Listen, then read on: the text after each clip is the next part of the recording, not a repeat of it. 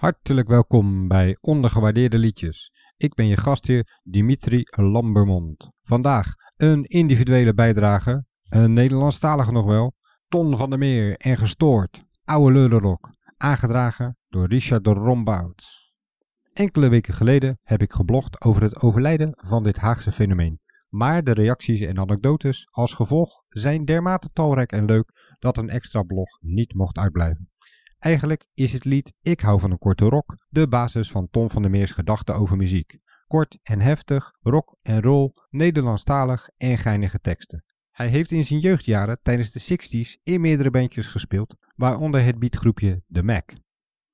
Barry Hay vertelde dat Tom tijdens een optreden met The Mac gearresteerd is en van het podium werd afgevoerd. Dat vond hij echt rock'n'roll. Maar het bekendste was hij met Gestoord. Het allereerste optreden was op Hemelvaartsdag in 1977 in de Rose and Orange Pub. Drummer Alex Support vertelt. We hadden besloten om de eerste set te beginnen als de zon onderging. Er was een klein matglas raampje boven onze tafel waar het oranje licht van de ondergaande zon doorkwam. Toen de eigenaar van de pub naar ons toe kwam en vroeg wanneer we eindelijk eens dachten te beginnen, omdat de toeschouwers ongeduldig begonnen te worden, wezen we naar het raampje en zeiden als de zon ondergaat.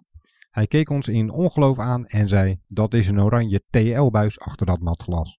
Bassist Bertus Bonk vult aan. Hoewel het mede door de minimale repetitietijd niet helemaal vlekkeloos verliep, was het optreden succesvol te noemen. Hier en daar zal het heus wat vals hebben geklonken, maar dat kon de toeschouwers niet veel schelen. De teksten gingen over leed, sociaal onrecht, vrouwen, luchtvervuiling, politiek, masturbatie, werkeloosheid, geloof en schijnheiligheid. Een tijd swingde het in de afgeladen pub de pan uit tot het optreden abrupt stopte doordat de stekkers eruit getrokken werden. Het was de eigenaar kennelijk wel genoeg geweest. Dit kon inmiddels de pret niet meer drukken.